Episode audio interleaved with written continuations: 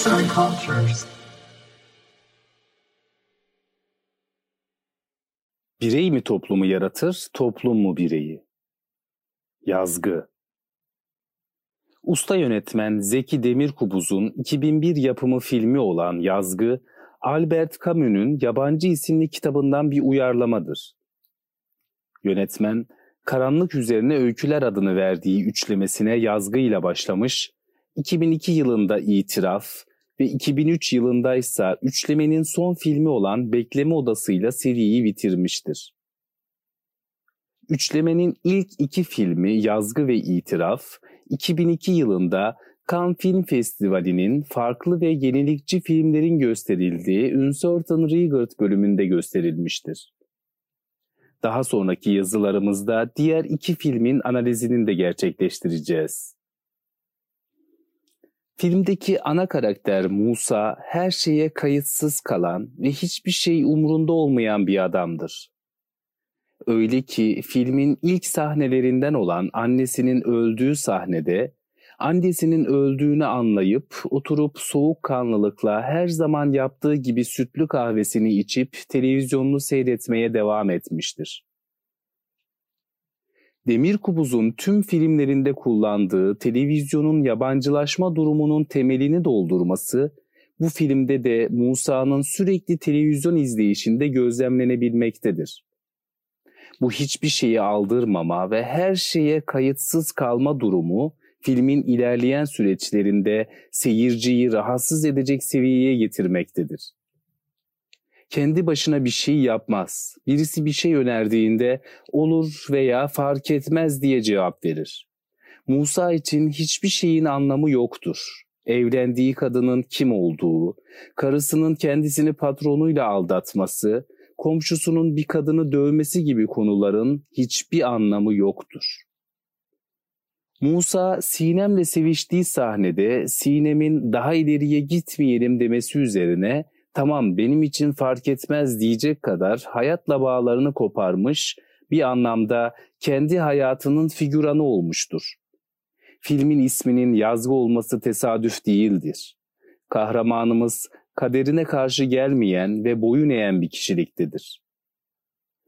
Musa karakteri toplumun değer yargılarından uzak, inançsız, ahlak kurallarını umursamayan ve toplum dışı biridir. En can alıcı sahnelerden biri savcının ard arda sorular sorduğu sahnedir. Savcı ona Tanrı'ya inanıp inanmadığını sorar, Musa ise bunun üzerine iyice düşünmediğini çünkü kendisi için pek bir önemi olmadığını söyler. Peki bunun sorumlusu Musa mıdır yoksa Musa'yı bu duruma iten toplum mu? Bu soruya cevap vermek gerçekten zor fakat Musa'nın bir cinayetten sorumlu tutulması ve cinayet için yargılanırken aslında annesiyle olan ilişkisinden dolayı yargılanıp ölüm cezasına çarptırılması bize Musa'nın değil toplumun suçlu olduğunu gösteriyor. Camus'un kitabındaki papazın yerini burada savcı ve toplum almıştır.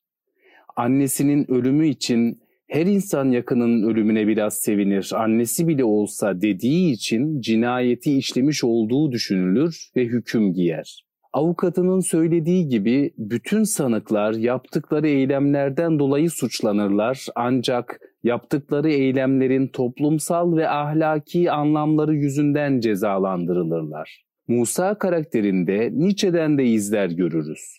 O toplumdaki üst insandır. Nietzsche ahlakı köle ve efendi olarak ikiye ayırır. Ona göre toplumdaki tüm bireylerin varoluş nedeni üst insana ulaşabilmek ve onun amaçlarına hizmet etmektir. O zaman nihilizm kölelerin ahlakı olarak belirir. Köleler gerçek yaşamdaki güçsüzlüklerini unutmak için bir ideale veya bir kurmaca tanrıya gerek duyarlar. Yazgıda özellikle Musa'nın savcıyla konuştuğu sahnede açılan kapı, Zeki Demirkubuz'a göre herhangi bir anlamı olmayan bir sahne olsa da bize göre adalet sistemine ve iktidara yönelen bir eleştiri anlamı da taşımaktadır. Usta yönetmen bize kamera açılarıyla yan karakterleri tanıtmıştır. Necati karakterinin girdiği kavgayı anlatırken okyanusta batan bir gemi, safari arabası ve raki tablolarıyla şiddete meyilli oluşunun anlatımını güçlendirmiştir. Yönetmen avukatın ağzından Musa'ya Fransız bir romanda okuduğum karaktere benziyorsun dedirterek Albert Camus'e gönderme yapmıştır.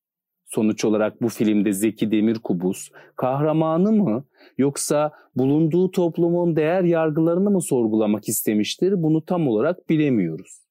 İncelememizi Savcı ve Musa'nın insan ruhu üzerine konuştukları bir diyalogla bitirelim.